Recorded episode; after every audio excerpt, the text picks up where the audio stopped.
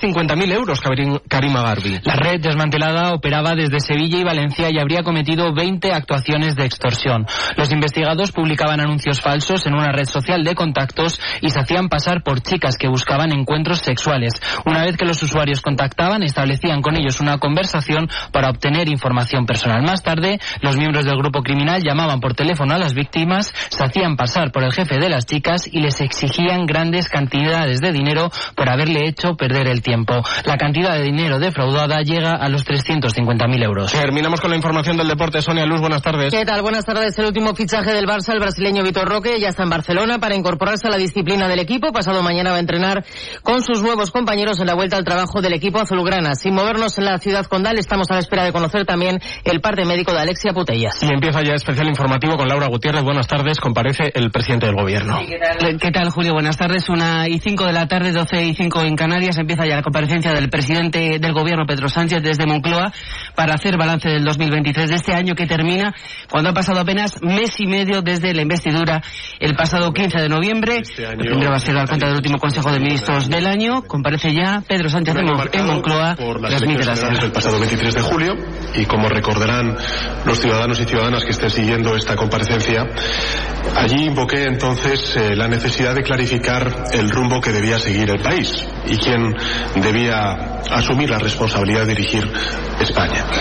Y los españoles se vieron confrontados a, a, la misma disyuntiva que otras naciones europeas y occidentales. Debían decidir entre un gobierno marcado por la agenda de la ultraderecha o un gobierno marcado por una agenda progresista de avances sociales.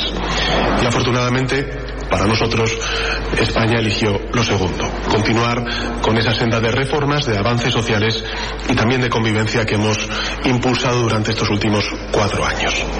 España, en consecuencia, dijo no a la derogación de esos avances, no a la pérdida de derechos y de libertades, no a las políticas de retroceso, de desigualdad, de confrontación territorial que caracterizaron los años de gobierno de la anterior administración y dijo sí a la igualdad, a la libertad, a la justicia social y también al diálogo y a la concordia.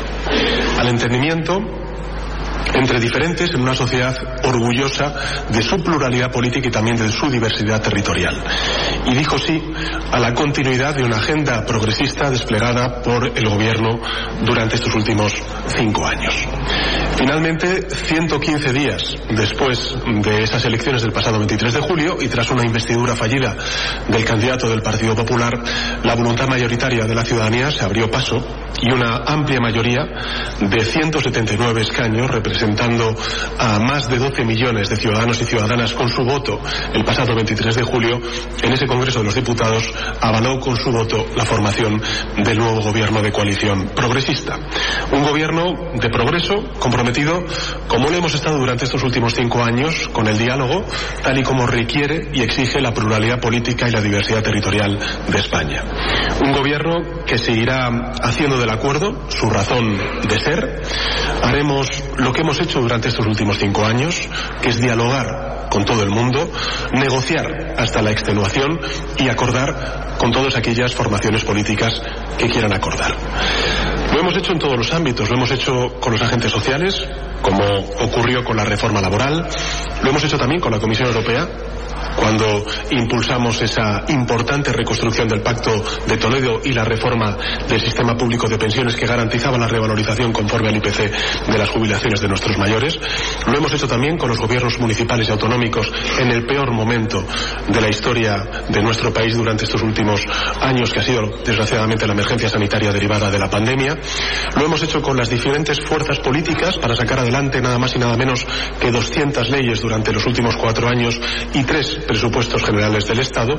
Lo hemos hecho también con las fuerzas nacionalistas para normalizar la situación política heredada de la anterior administración en un territorio muy importante de nuestro país como es Cataluña y lo hemos hecho con las comunidades científicas, con la educativa, como hicimos para acordar la ley educativa, la ley de formación profesional, la ley de ciencia o la nueva ley universitaria. Y lo hemos hecho también a escala europea Con los distintos gobiernos europeos de todo signo político, también con el Parlamento Europeo, con todas las fuerzas parlamentarias en Estrasburgo, salvo la ultraderecha, para lograr los fondos europeos o culminar una exitosa presidencia eh, de España de la Unión Europea. Un gobierno, en consecuencia, que dará continuidad a todo eso y también dará continuidad y será coherente con la importante agenda transformadora que hemos desplegado en la anterior legislatura y que vamos a consolidar, en definitiva, los avances alcanzados. Y, y que además no va a abdicar nunca de su principal tarea y es el de mejorar y proteger la vida de la mayoría de los ciudadanos y ciudadanas con medidas valientes cuando y donde sea preciso. Esa filosofía impregna también todas las medidas adoptadas en este Consejo de Ministros a las que me voy a referir a continuación. Medidas para mejorar la vida de la gente, de modo especial en medio de esta incertidumbre que sigue presente, tanto derivada de la guerra de Ucrania como también ahora del conflicto en Oriente Medio. Para empezar, hemos aprobado algo muy importante para los pensionistas de nuestro país, que es la revalorización de sus jubilaciones conforme al IPC, es decir, al 3,8%. Y creo que esto es muy importante, volver a recordar que es una de las principales conquistas que hemos consolidado durante estos últimos cuatro años. Hubo muchísimos jubilados y jubiladas que se manifestaron durante la crisis financiera como consecuencia de los recortes en el sistema público de pensiones. Por tanto, lejos queda ya ese 0,25% de los gobiernos del Partido Popular y hoy los jubilados y jubiladas de nuestro con una revalorización que se actualiza todos los años conforme a la evolución del coste de la vida. Y además el Gobierno ha decidido extender el grueso de las medidas adoptadas en el año 2022 y en el año 2023 para mitigar el impacto de la invasión rusa en Ucrania. La primera medida que ya anuncié en el discurso de investidura es la extensión durante el primer eh, tramo del año 2024, el primer semestre, del IVA al 0% de los alimentos básicos y al 5% de las pastas y de los aceites. Junto con esta importante medida para la cesta de la compra de nuestros conciudadanos, en segundo lugar, ante la caída paulatina que se está produciendo en los precios de la energía, afortunadamente en este último año, gracias también al impulso decidido por parte del Gobierno de España, tanto a nivel europeo como a nivel eh, estatal, hemos decidido retirar las bajadas de impuestos vinculadas con la electricidad y con el gas, pero lo vamos a hacer de manera gradual, durante los próximos seis meses. Me refiero en concreto al IVA de la electricidad, al impuesto eh, sobre el valor de la producción eléctrica y también al impuesto especial de electricidad. Y asimismo, el IVA del gas recuperará los valores normales a partir del mes de febrero, pasado ya el periodo invernal. Junto con estas importantes medidas para el primer tramo del año, eh, en tercer lugar se van a prorrogar por un año los gravámenes a los beneficios extraordinarios tanto del sector financiero como del sector eh, energético, es decir, las grandes empresas energéticas y también la, gran banca. En el caso del gravamen eh, energético vamos a introducir modificaciones en la Ley General de Presupuestos para que se puedan deducir desde el 1 de enero las inversiones estratégicas vinculadas con proyectos industriales y vinculadas también con la descarbonización del sistema productivo en nuestro país. Y también el compromiso de la revisión en el año 2024 eh, de una figura tributaria que pasará ya a contar con un carácter permanente. Como saben ustedes, el impuesto fue diseñado con una pervivencia de dos años, vencería el 31 de diciembre de este año, del año 2023, y por tanto lo que hemos hecho ha sido garantizar su pervivencia a partir del año 2024, una vez revisada en el sentido que antes les he expuesto sobre las inversiones vinculadas con proyectos industriales para la descarbonización de nuestra economía. También vamos a mantener durante los próximos seis meses las medidas de protección a las familias vulnerables, como es, por ejemplo, el, máximo descuento del bono social, la limitación a las subidas del precio de la tarifa regulada del gas eh, de los hogares y de la bombona de butano y eh, la suspensión durante todo el año de los desahucios y alzamientos para los hogares vulnerables que no cuenten con una alternativa habitacional. Y y también extendemos eh, durante seis meses la eliminación de las comisiones o compensaciones bancarias por la amortización anticipada de crédito a tipo variable. Se van a prorrogar asimismo durante seis meses dos importantes medidas de apoyo a la competitividad del tejido empresarial, en concreto de la industria de nuestro país, la reducción eh, al 80% de los peajes eléctricos para la industria electrointensiva y también la flexibilidad en el cambio de contratos de suministro eléctrico. Y además se extiende durante el año 2024 la gratuidad para los usuarios y usuarias eh, frecuentes eh, de ferrocarriles, de cercanías, de rodalíes, de media distancia y avant, así como los servicios públicos de transporte regular de viajeros y viajeras para eh, los casos de carretera competencia de la Administración General del Estado.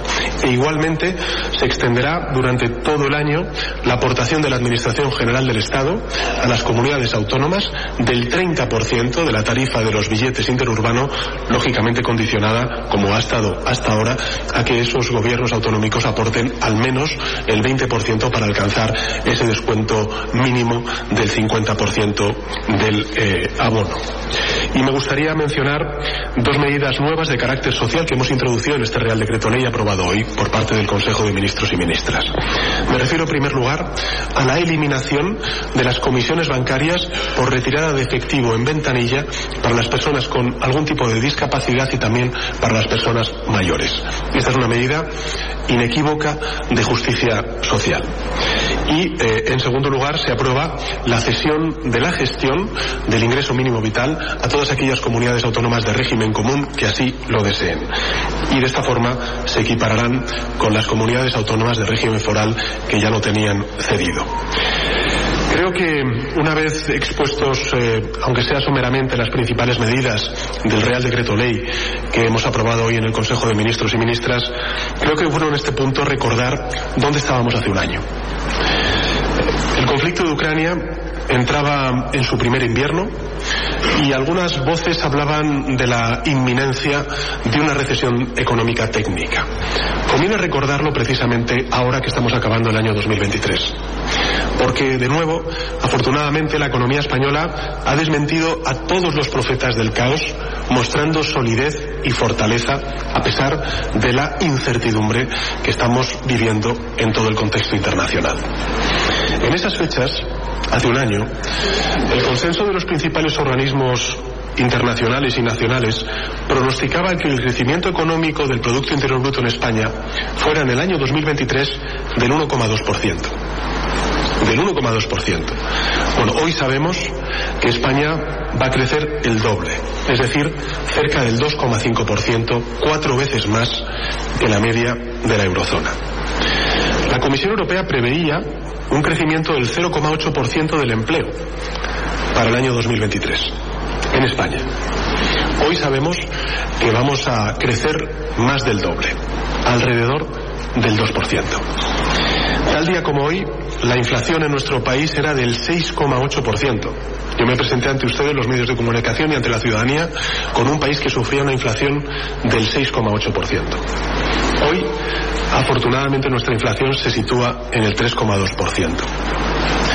Sin duda, mucho de esto tiene que ver con la positiva evolución de los precios de la energía y el impacto que ha tenido la solución ibérica, que no es sino una intervención por parte del sector público en un mercado que claramente estaba desacoplado y sufría los embates de las consecuencias sobre los precios de la energía de la guerra de Putin en Ucrania.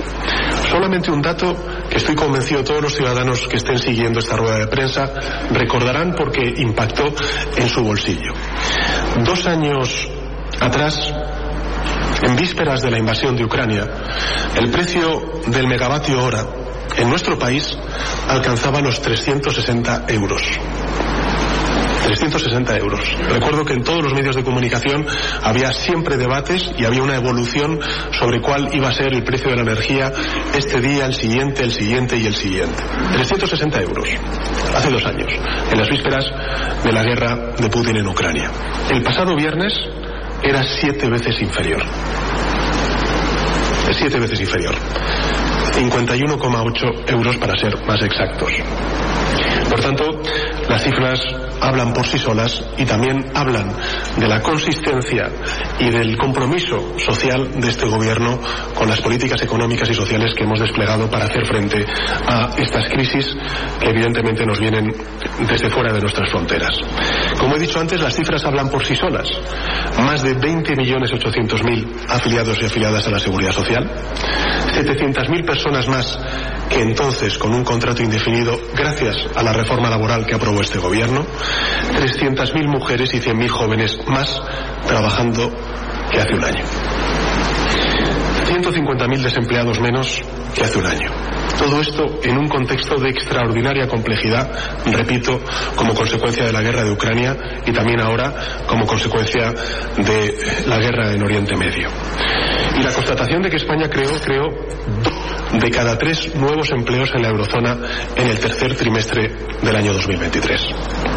En fin, el Gobierno además no solamente ha impulsado una política de crecimiento, de transformación y de descarbonización de nuestra economía, y también ha impulsado la creación de empleo, un empleo de calidad, subiendo el salario mínimo interprofesional, sino que lo hemos hecho siguiendo una senda de consolidación fiscal de reducción de la, de la, deuda pública y también del déficit público. Y lo hemos hecho además de forma coherente con los compromisos que hemos asumido con las instituciones comunitarias. Y en esta evolución favorable es innegable el impacto de los fondos del plan de recuperación, de los fondos Next Generation, que fueron fondos que luchó a brazo partido este gobierno durante la pandemia. Desgraciadamente no contamos con el apoyo de la oposición, pero gracias a estos fondos no solamente estamos transformando nuestra economía en digital y en verde, sino que también estamos amortiguando los efectos adversos de este tipo de conflictos sobre nuestra economía y sobre los hogares de nuestro país. Este plan de recuperación, en cuya ejecución, por ciento, alcanzamos en este año 2023 una velocidad de crucero. Precisamente, como saben, porque ha sido reflejado en los medios de comunicación, acabamos hace unos días de presentar la solicitud del cuarto desembolso por parte de la Comisión Europea con un importe de 10.000 millones de euros.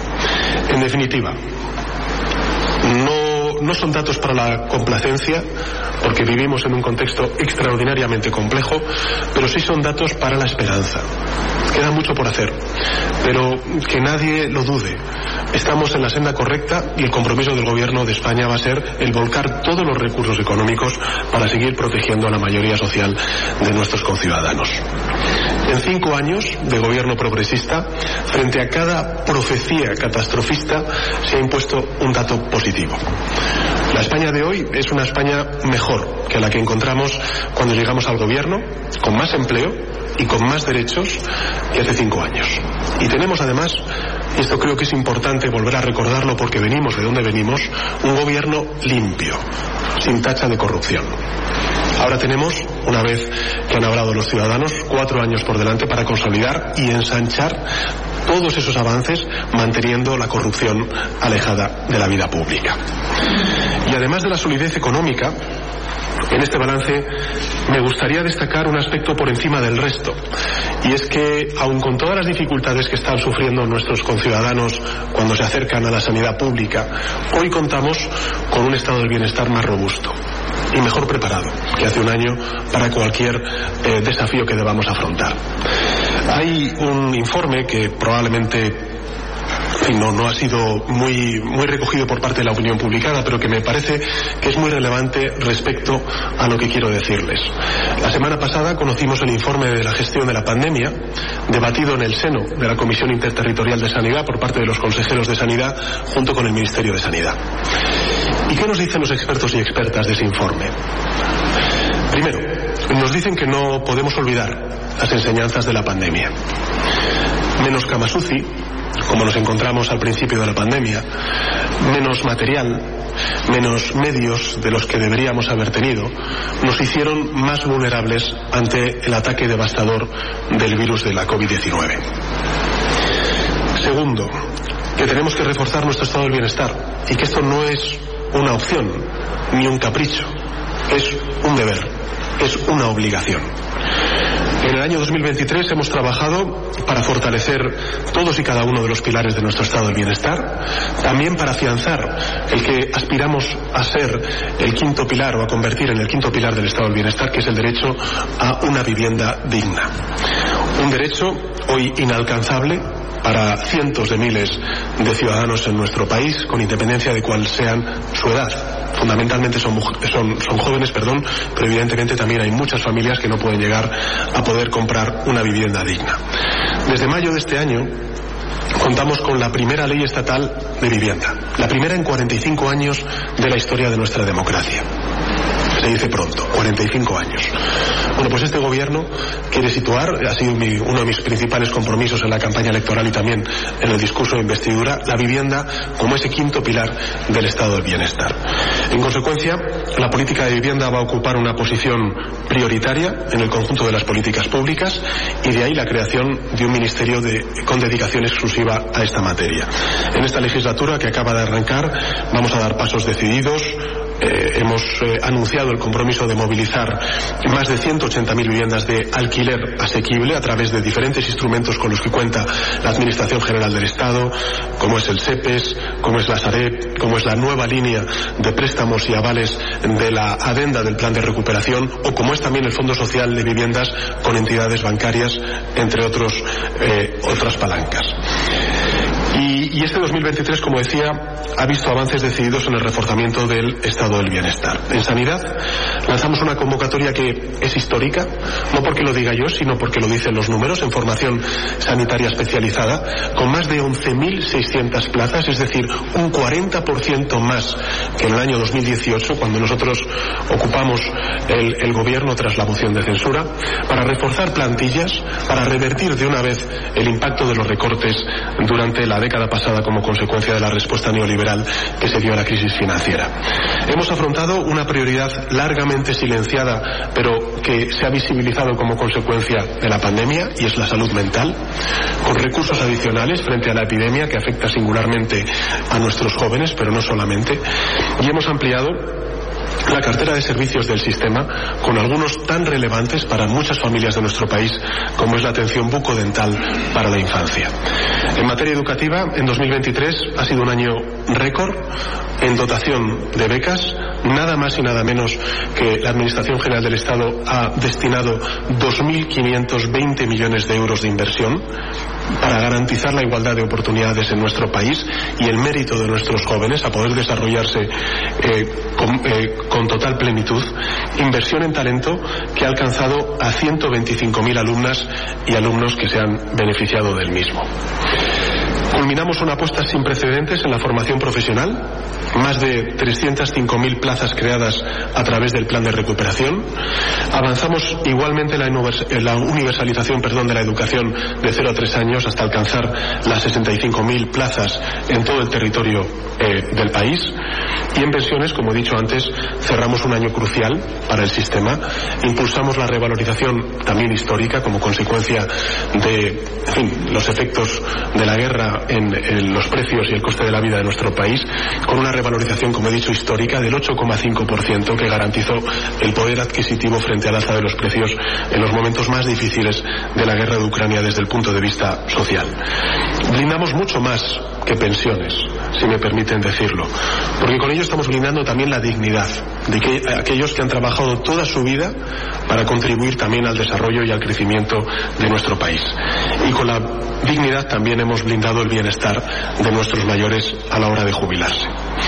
2023 también ha sido el año de la modernización del sistema, eh, siguiendo las recomendaciones del Pacto de Toledo, que quebró la anterior administración del Partido Popular en tres ámbitos que me parecen muy relevantes. El primero es el de ampliar los derechos de todos los pensionistas. En segundo lugar, reducir la brecha de género como consecuencia de la discriminación que, por desgracia, las mujeres aún continúan sufriendo en el ámbito laboral. Y finalmente, establecer un nuevo marco de sostenibilidad presente y futura del sistema público de pensiones. Hemos reforzado también nuestro Sistema Nacional de Dependencia, el cuarto pilar del Estado de Bienestar. Hemos volcado nada más y nada menos que en 2023 3.500 millones de euros, es decir, el triple de lo que nos encontramos cuando llegamos al gobierno en el año 2018. En 2023 hemos dado pasos también clave en la dignidad laboral, con una nueva subida del salario mínimo interprofesional que nos ha permitido alcanzar ese objetivo que nos, eh, digamos, asumimos todos los grupos parlamentarios que formamos parte del gobierno de coalición, fijado también ese 60% del salario medio por la Carta Social Europea y, por tanto, 1.080 euros al mes. Hemos fortalecido también la cohesión territorial impulsando infraestructuras emblemáticas como, por ejemplo, la última, la llegada de la velocidad Asturias y hemos avanzado en transición ecológica con más despliegue de renovables y este año, por primera vez en nuestra historia, este año, con todo el esfuerzo que hemos hecho durante estos últimos cinco años, nada más y nada menos que la mitad de la energía que vamos a generar en España va a proceder de las fuentes de energía renovable. Y por cierto, con unos precios de la electricidad mucho más baratos que nos permiten no solamente, junto con el impulso a la digitalización, reindustrializar nuestro país. Hemos avanzado en derechos con la ley para la igualdad de personas trans, la ley de garantías de derechos LGTBI, aprobada en la primera mitad del año. Lo vamos a hacer también con la, el proyecto de ley aprobado en el primer Consejo de Ministros en esta nueva etapa, como es la ley orgánica de la representación paritaria, para que se cumpla lo que es de sentido común, y es que el 50% del poder político, económico y social de nuestro país corresponde al 50% de nuestra población, que son las mujeres. Y hemos hecho también, en este contexto tan difícil desde el punto de vista internacional, una clara apuesta por la estabilidad y por la paz en el mundo. Con una política exterior clara, coherente, feminista y también comprometida con los derechos humanos, basada en los principios esenciales del, de del derecho internacional marcado en la Carta de Naciones Unidas, con especial énfasis en la promoción, como he dicho antes, de los derechos humanos. Así ha sido en Ucrania, donde nos hemos posicionado claramente del lado del país agredido injustamente por el agresor, en este caso la Rusia de Putin.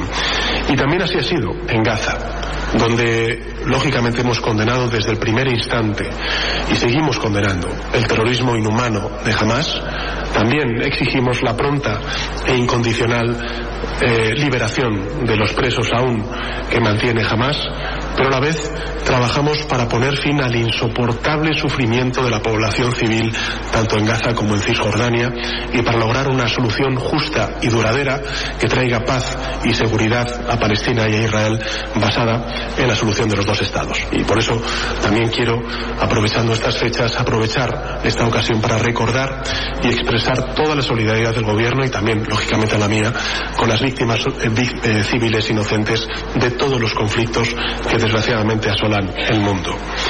Y finalmente, durante estos seis meses, nuestro país pues le ha correspondido el honor de, ostentar la presidencia rotatoria del Consejo de la Unión Europea, un honor que, que nuestro país pues ha ejercido con humildad, pero también creo que es justo decirlo con un enorme éxito, tal y como han reconocido recientemente tanto la presidenta de la Comisión como el presidente del Consejo. Bajo nuestra presidencia se han cerrado más de 70 expedientes, que es una cifra muy superior a la media de todas las eh, o de otras presidencias que nos han precedido, y hemos alcanzado acuerdos históricos que nos van a permitir tener una Europa mucho más amplia, más sostenible y más próspera. ¿no? Más amplia porque saben que se ha dado luz verde a las candidaturas de Ucrania, de Moldavia, de Bosnia-Herzegovina y de Georgia para una futura ampliación, más sostenible porque, porque se han aprobado nuevas leyes que nos van a ayudar a reducir nuestro impacto sobre el medio ambiente, me refiero al de la economía, impulsar la economía circular y, como he dicho antes, el impulso a la transición ecológica y las energías renovables, y más próspera porque en estos seis meses pues hemos puesto en marcha nuevos mecanismos para fomentar nuestra industria doméstica, para generar más empresas y para crear más empleos en Europa. Hemos aprobado una ley pionera en inteligencia artificial, hemos reforzado los derechos de los trabajadores de las plataformas y hemos ampliado nuestros acuerdos comerciales con más de 80 países. Por ejemplo, uno de los que más querencia tiene nuestro país por razones evidentes es el que hemos firmado con el país latinoamericano de Chile. En definitiva, hoy Europa está más preparada para afrontar el futuro que hace seis meses y creo que es justo reconocer que la presidencia española tiene mucho que ver en ello.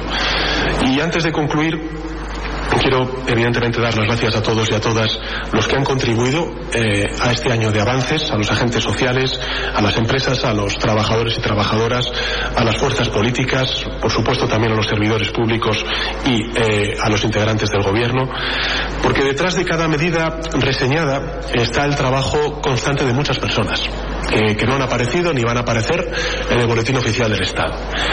El Gobierno es quien toma, lógicamente, estas decisiones, pero esas iniciativas salen adelante gracias al trabajo de los servidores públicos, a la interlocución con los agentes sociales y de todos aquellos siempre dispuestos a arrimar el hombro en circunstancias tan difíciles como las que estamos afrontando de cinco años a esta parte. Creo que los indicadores económicos acreditan lo que siempre hemos defendido y es que España está avanzando pese a la complejidad del contexto y hay muchos motivos para mantener lo que he dicho al principio de mi intervención, la esperanza y la confianza en el futuro inmediato de nuestro país. Porque hoy España es un país respetado en Europa y en el mundo. Nuestras empresas y nuestros trabajadores y trabajadoras son valorados y el contexto internacional, cada vez más incierto, pues cuenta con una voz de peso clara en la exposición de sus posiciones como es la de España. Pero si algo hemos eh, demostrado en estos años y ya con esto concluyo, es que no dicotomía alguna entre, entre la justicia social y el crecimiento económico. Porque se puede crecer con justicia social. Es más, es la mejor forma de crecer. Cuando todos nos sentimos parte de una comunidad empujamos con más fuerza. Este 2023, a punto de terminar, lo certifica con datos y con evidencias. Hemos crecido económicamente, hemos creado empleo, hemos reforzado el estado del bienestar y hemos subido el salario mínimo interprofesional. Por tanto, se puede crecer con justicia social. Es más, esa es la mejor manera de crecer. Concluyo. Concluyo agradeciéndoles, pues lógicamente a todos ustedes, a los medios de comunicación, su profesionalidad, su paciencia y su labor de servicio público que realizan. Y les deseo, junto al conjunto de la sociedad española, pues de parte del Gobierno, unas muy felices fiestas y que el nuevo año les traiga lo mejor para ustedes y para todos sus seres queridos. Nada más y quedo a disposición de los medios de comunicación. felicitación navideña de Pedro Sánchez de Moncloa tras el último Consejo de Ministros del 2023 ha hecho balance del año con una referencia velada a lo que va a ser la legislatura. El Consejo General del Poder Judicial es una pregunta que le hemos hecho en sus balances de final de año en los últimos años. Em, ¿Le sorprendió la propuesta del señor Feijó de, bueno, de recurrir a la Comisión Europea para que interceda con, entre el Partido Socialista y Partido Popular para tratar de, de llegar a un acuerdo. Le pareció bien. No sé si les propone, si les parece bien eh, la propuesta de que pueda interceder el comisario de justicia, el señor Reinders, o podrían plantear otro tipo de, de perfil. Y luego le quiero hacer una pregunta en política exterior sobre la posición del gobierno de España con todo lo que tiene que ver con eh, la operación en el mar rojo que bueno que ha llegado a plantear el gobierno de Estados Unidos eh, frente al bloqueo del estrecho de Baleares por parte de la milicia UTI. Em, ¿Cuál es la posición de España? Porque bueno se ha hablado mucho al respecto de ella. Si se quiere ampliar, eh, si quiere digamos que sea distinta a la operación Atalanta o, o cuál sería. Gracias. Muchas gracias, José, por sus preguntas. ¿no? Sobre eh, los objetivos de consolidación fiscal, eh, el Gobierno de España mantiene su compromiso de lograr un déficit público del 3% del PIB eh, durante el año 2024. Tenemos también marcada una reducción de la deuda pública al 106% y, por tanto, mm, entendemos que el paquete de medidas que vamos a poner en marcha en este primer tramo del próximo año, pues evidentemente se incardinan y se contextualizan en ese compromiso también de consolidación fiscal. Yo creo que además el el, éxito de todas estas políticas, junto también con aquellos logros que hemos alcanzado a nivel europeo, es que hemos consolidado eh, nuestras cuentas, estamos en la senda de consolidación de nuestras cuentas públicas. Recordemos que en el año 2021 partíamos de un déficit público del 10% y vamos a acabar este año eh, pues por debajo del 4% eh, y va a ocurrir lo mismo en el año 2024 con un 3% de déficit público como objetivo marcado ¿no? y comprometido ante las instituciones comunitarias. Lo que quiero decir con esto es que todas las políticas de protección de rentas, todas las políticas vinculadas con las transformaciones y las inversiones públicas de los fondos Next nos están permitiendo crecer, crear empleo, subir el salario de los trabajadores y trabajadoras y, por tanto, que no pierdan eh, tanto poder adquisitivo, al menos en, lo que respecta a la crisis que hemos sufrido desde la guerra eh, de Ucrania y, a la vez, pues eh, ir en la senda de la consolidación fiscal. Y desde luego para un gobierno progresista la consolidación fiscal pues es eh, incluso aún, un, mayor deber que para otras formaciones políticas. ¿Por qué? Porque nosotros creemos en el estado del bienestar. Creemos, creemos en la sostenibilidad de nuestras cuentas públicas para financiar las políticas que son de todos, que es la sanidad, que es la educación, que es la dependencia, que son eh, las pensiones y también, lógicamente, todas las políticas vinculadas con, con, con la acción eh, del gobierno. ¿no? Respecto a la segunda de las preguntas, el Consejo General del Poder Judicial. Me pregunto si me sorprendió o no me sorprendió. Podría hacer un chascarrillo, ¿no? Pero sí diré que eh, si mil veces dice el PP que no, mil y una veces nosotros tenderemos la mano al Partido Popular. No es aceptable, no es asumible el que un poder tan importante como es el Poder Judicial en nuestro país viva una verdadera crisis institucional, derivada de un bloqueo, que es el del Partido Popular, que no reconoce la legitimidad de unas Cortes Generales que está diciendo que quieren renovar el Consejo General del Poder Judicial. Con un sistema de elección, por cierto, que dura ¿cuántos años? Más de una década. Por tanto, creo que es imperativo para eh, todas las fuerzas políticas el renovar el Consejo General de Poder Judicial en el año 2024. Y, y, en ese sentido, si el Partido Popular considera que es necesario que interceda, que medie la, la Comisión Europea en, en esta cuestión, nosotros encantados. Creo que tenemos eh, dos buenos comisarios, el comisario Reinders, eh, también la vicepresidenta Yurova, que conocen perfectamente, porque son, son quienes elaboran el informe del Estado de Derecho, cuál es la situación de bloqueo en nuestro país. Por tanto, nosotros no vamos a digamos, perder ninguna ocasión, ninguna oportunidad para eh, trasladar la gravedad de la situación, la necesidad cuando no urgencia, de renovar el Consejo General de Poder Judicial y, por último, nuestra absoluta voluntad de poder llegar a un acuerdo. Eh, insisto, yo como presidente del Gobierno en estos cinco años he llegado a tres acuerdos con el Partido Popular. Tres. Dos con el señor Casado, uno con el señor Feijóo. Los tres rotos unilateralmente por el Partido Popular. No, no hay justificación. Y, en fin, creo que que está todo dicho. Y respecto a, la, tercera cuestión sobre la política exterior y el Mar Rojo, creo que la ministra de Defensa ha sido clara eh, sobre este asunto. España no se opone a que se cree ninguna otra operación, en este caso en el Mar Rojo. Lo que sí que hemos trasladado a nuestros aliados, eh, tanto de la OTAN como de la Unión Europea, es que consideramos que la operación Atalanta no tiene las características ni es la naturaleza de la operación que se exige, que se necesita en el Mar Rojo. En Atalanta lo que estamos haciendo es operar en el Índico, lo que se está haciendo ahí es luchar contra un fenómeno particular de la piratería y en el Mar Rojo, pues la situación es completamente distinta, eh, el riesgo es diferente y, evidentemente la naturaleza eh, del desafío es distinta. No tiene nada que ver una operación con otra. Por tanto, estamos dispuestos y abiertos a que efectivamente se plantee esa operación por parte de los aliados, eh, tanto de la Unión Europea como de la OTAN, pero evidentemente no sobre el marco o en el marco de una operación como la Operación Atalanta. Es la primera vez que escuchamos al presidente del Gobierno hablar de la renovación del Poder Judicial tras su reunión con el líder del PP, Alberto Núñez Feijóo. ¿Le parece bien a Pedro Sánchez la, mediación de la Comisión Europea, que de hecho ya se, ya se ha pedido? Guillermo Lerma, redactor de Nacional. Buenas tardes. ¿Qué tal, Laura? Buenas tardes. Sí, es la primera vez que Pedro Sánchez se pronuncia sobre esa petición que hizo el viernes en la reunión que mantuvieron Sánchez y Feijóo en el Congreso, una reunión en la que el PP eh, se abrió a volver a dialogar para negociar la renovación eh, del Consejo General del Poder Judicial. El PP pidió la mediación de la Comisión Europea en esas conversaciones con el Gobierno. Sánchez las acepta y el PP, que pidió además, Laura, eh, que con esa renovación del sistema el PSOE se abriese a reformar la ley, el sistema de elección de los vocales. Sánchez no ha entrado al fondo de esto, pero sí que ha recordado que el sistema de elección actual eh, dura ya más de una década y se refiere así al sistema, a la ley actual que el PSOE defiende y que no cree conveniente cambiar. Veremos a ver cómo queda esa esa, esa reforma. Ha dicho Pedro Sánchez que es imperativo ya para todas las fuerzas políticas renovar el Consejo General del Poder Judicial en 2024. Eh, nuestra absoluta voluntad, dice el presidente, de poder llegar a un acuerdo con el Partido Popular. Le parece correcto tanto la mediación del, comisario Reinders como de la comisaria Yurova de Valores y, y Transparencia. Es lo que ha dicho Pedro Sánchez en esa comparecencia, en esa rueda de prensa que sigue ahora mismo lo que se va a hacer durante los próximos cuatro años, próxima legislatura. Eh, ¿Nos puede garantizar que usted estará durante toda la legislatura? Gracias.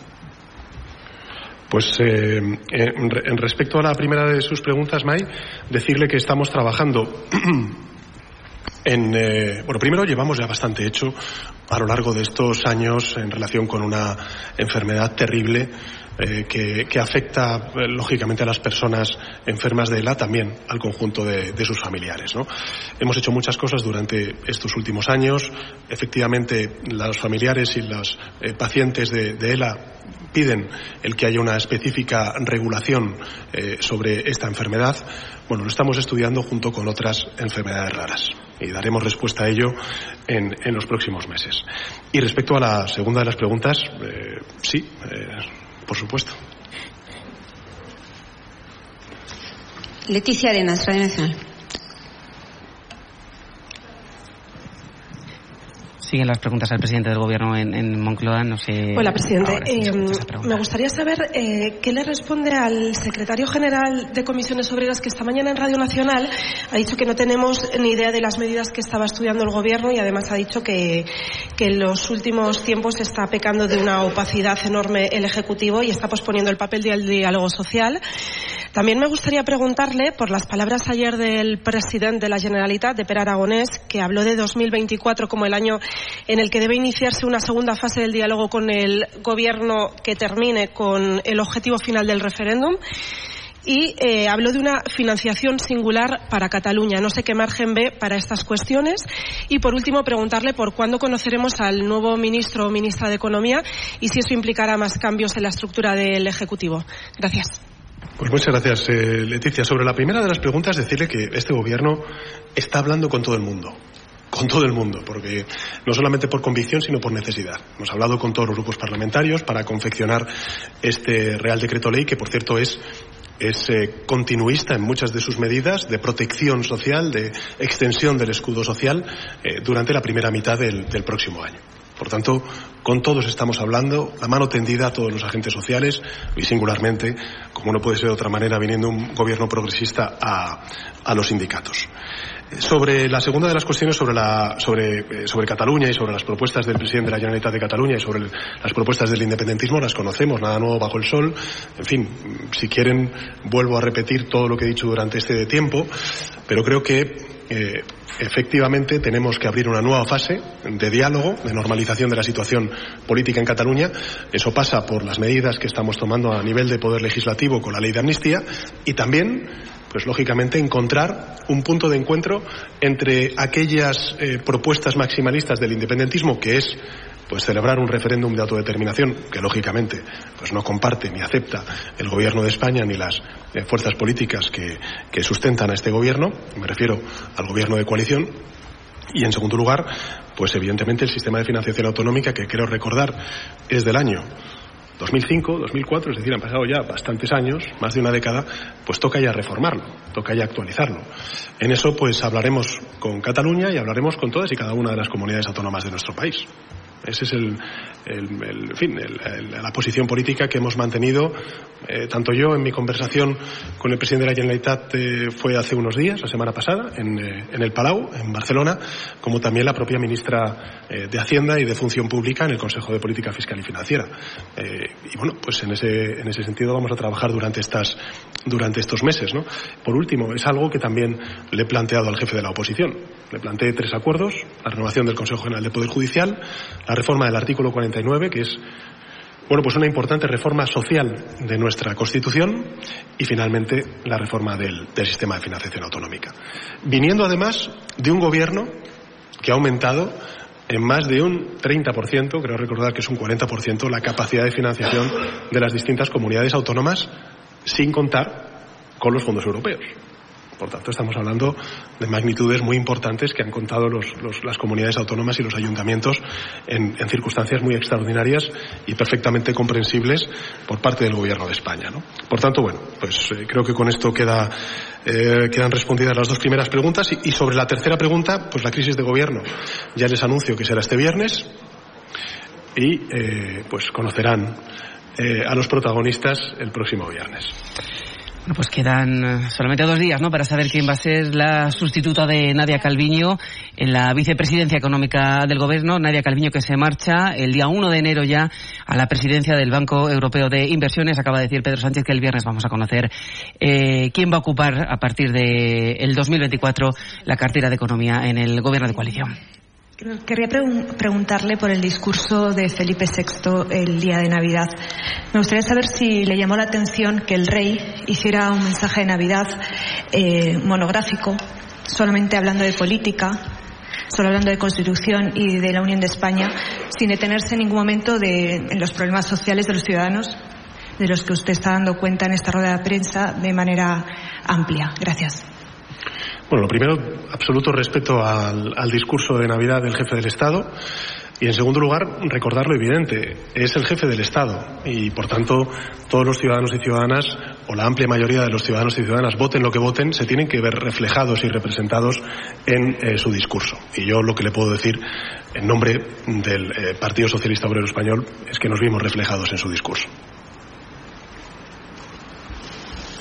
Antonio Ruiz más preguntas para el presidente desde la sala de prensa del Palacio Buenas de tardes, presidente. Quería preguntarle si está preocupado por lo que estamos viendo en algunas instituciones, como ha sido la agresión al concejal Eduardo Rubiño en el Ayuntamiento de Madrid.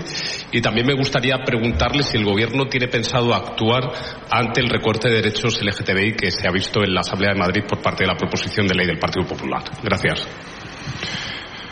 Bien, sobre la primera de las preguntas me lo han escuchado decir en muchas ocasiones. Eh, hay una polarización asimétrica. Y sí me gustaría primero trasladar a los, a los ciudadanos y ciudadanas, pero en segundo lugar también a los medios de comunicación, porque son al final quienes interpretan en muchas ocasiones el debate público entre partidos políticos, que aquí no hay eh, sino gente que insulta y gente que somos insultados.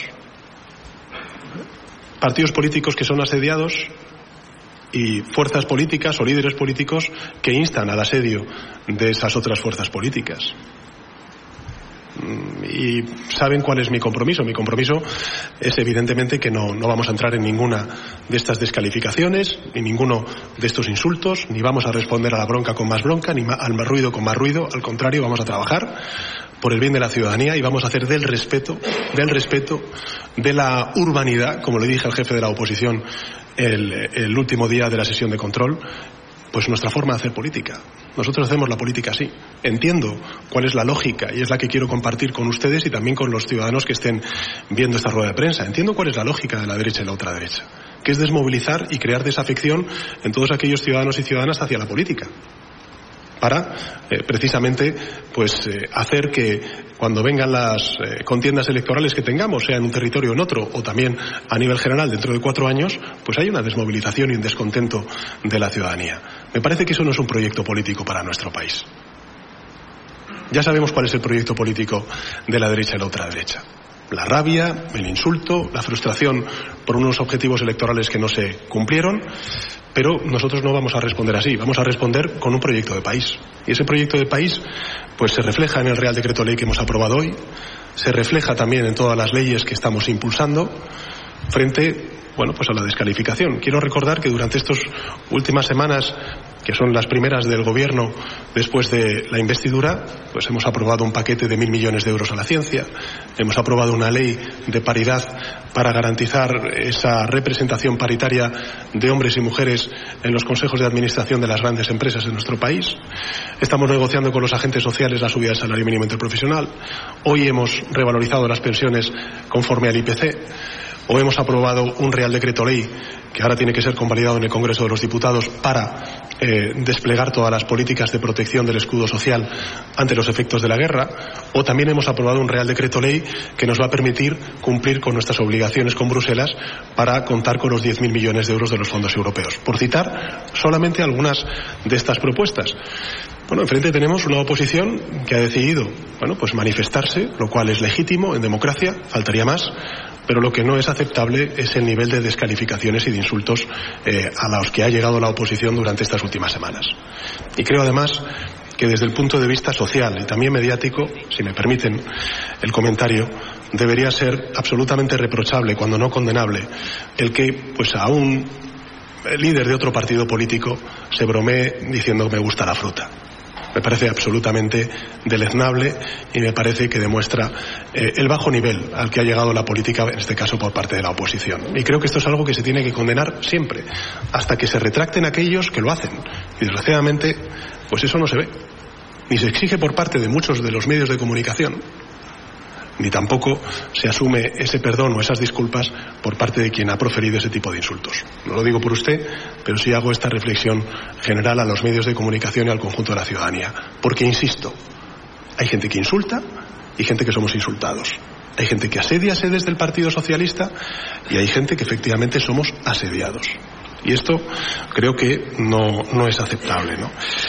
Y respecto a la segunda de las preguntas, recordarle que el compromiso con el colectivo LGTBI por parte del Gobierno de España es total, es rotundo, que en el acuerdo entre el Partido Socialista y Sumar eh, tenemos el compromiso durante esta legislatura de construir un pacto de Estado por el colectivo LGTBI y por tanto no vamos a dar un paso atrás en lo que hagan el gobierno dice Pedro Sánchez con el colectivo LGTBI eh, acabamos de escuchar sus críticas a la derecha por, por los insultos de, diputados de, y concejales de Vox también por los insultos de Isabel Díaz Ayuso en el pleno del Congreso durante el debate de investidura. Guille, eh, que no se nos quede en tintero Pedro Sánchez también ha dicho que la ley de enfermos de ELA se va a impulsar esta legislatura. Sí, esta es una asignatura pendiente que tiene el Gobierno desde la legislatura pasada. El Congreso, el 8 de marzo de 2022, aprobó por unanimidad una proposición de ley, eh, la conocida como Ley ELA, para hacer que la sanidad pública cubriese, ampliase la cobertura eh, para los eh, pacientes de esta enfermedad. se quedó atascada durante más de un año en prórroga de, de enmiendas. Finalmente, el adelanto electoral la dejó en el cajón. El Gobierno durante estos meses ha dicho que se ha comprometido, se va a comprometer a impulsar una ley eh, no de la ELA, sino de enfermedades raras, para meterla dentro de ese paquete. Lo que ha dicho Pedro Sánchez es que eh, se vuelve a comprometer a impulsarla en esta legislatura. Veremos a ver en qué se concreta ese compromiso que ha esgrimido aquí el presidente del Gobierno. Ha comparecido también hasta ahora eh, la presidenta de la Comunidad Isabel de Madrid, Isabel Díaz Ayuso. Acaba de referirse Pedro Sánchez a, ese comentario de me gusta la fruta. Bueno, pues Ayuso acaba de decir que Pedro Sánchez es un comunista que forma parte de un gobierno de la izquierda que quiere romper la Constitución y que si a ella le felicitaran grupos terroristas sería por dignidad. Sigue en marcha la rueda de prensa del presidente del gobierno. Eh, fiscales, ¿no? Y sobre el Real Decreto Ley, quiero decirle que ha sido muy azaroso porque efectivamente hemos hablado con todos los grupos parlamentarios. Eh, creo que hemos recogido en buena medida también sus demandas, sus preocupaciones y como he dicho antes, este es un gobierno que tanto por convicción como por necesidad pues estamos obligados a hablar con todos los grupos parlamentarios antes de aprobar eh, en el Consejo de Ministros pues los reales decretos leyes como es el caso. Y bueno, pues eh, no sé si algunos de ustedes vienen al viaje que vamos a, a, tener eh, en el día de hoy y el de mañana. Si no es así, pues les deseo unas felices fiestas, un feliz eh, año 2024 y no me cabe duda de que nos volveremos a encontrar en alguna otra rueda de prensa. Nada más y muchas gracias. Pues hasta aquí la comparecencia del presidente del gobierno desde Moncloa para hacer balance del 2023 tras el último Consejo de Ministros del año que como les acabamos de, contar y han podido escuchar en directo en la cadena SER, ha prorrogado la mayor parte de las medidas del escudo social, del escudo para hacer frente a la crisis derivada de la guerra de Ucrania. La repasábamos antes con Jordi Fabrega. Jordi, además, eh, hay otra novedad. Eh, el salario mínimo interprofesional eh, va, va a prorrogarse también en el año 2023. Sí, es lo que ha decidido el Consejo de Ministros. Se prorroga en los mm, niveles actuales. Dicen desde el Gobierno que eso será así durante el periodo que sea necesario para garantizar que haya un acuerdo en el diálogo social para fijar una nueva cifra. Así que de momento el salario mínimo sigue en los 1.080 euros. Ha hecho Pedro Sánchez una lectura eh, positiva en la economía. Hay esperanza, dice el presidente, no hay complacencia. El Gobierno va a mantener la rebaja de los, del IVA de los alimentos. Las ayudas al transporte público, sabíamos que se iban a mantener las ayudas estatales, pero también el gobierno va a prorrogar esa parte de bonificación a las autonomías, a los ayuntamientos del 30% que ha hecho hasta, hasta, este, hasta este año, ¿no? Una bonificación que se mantendrá, según lo que ha dicho el presidente del gobierno, durante todo el año que viene en prácticamente los mismos términos que se lleva aplicando desde septiembre de 2022, que es cuando entró en vigor esta rebaja. Esto supone que seguirán siendo gratuitos para los usuarios habituales, solo para viajeros habituales, los servicios de cercanías, de rodalías de media distancia, que los AVAN eh, tendrán un precio reducido al 50% y que eh, aquellos transportes que dependen de comunidades autónomas y ayuntamientos, en el caso de que sus responsables decidan también bonificar al menos un 20% el precio de los abonos, el Estado financiaría una rebaja adicional de otro 30%. Además, sobre el impuesto a la banca y a las energéticas, hay prórroga también para el 2024. Sí, sabíamos porque así figuraba en el acuerdo de gobierno que la intención era prorrogar el eh, impuesto extraordinario a la banca y a las energéticas. Lo que ha dicho hoy el presidente del gobierno es que se prorrogan durante el año que viene. El de la banca, en principio, en las mismas condiciones que las actuales. En el caso de las energéticas, sí se introduce algún cambio para intentar incentivar que las empresas del sector apuesten por inversiones que favorezcan la descarbonización y también ofrezcan incentivos a la industria. Enseguida resumimos todas estas medidas y todo lo que ha dado de sí la comparecencia del presidente Pedro Sánchez que se marcha ya a Irak a visitar a las tropas españolas en tiempo de hora 14 aquí en la Sierra.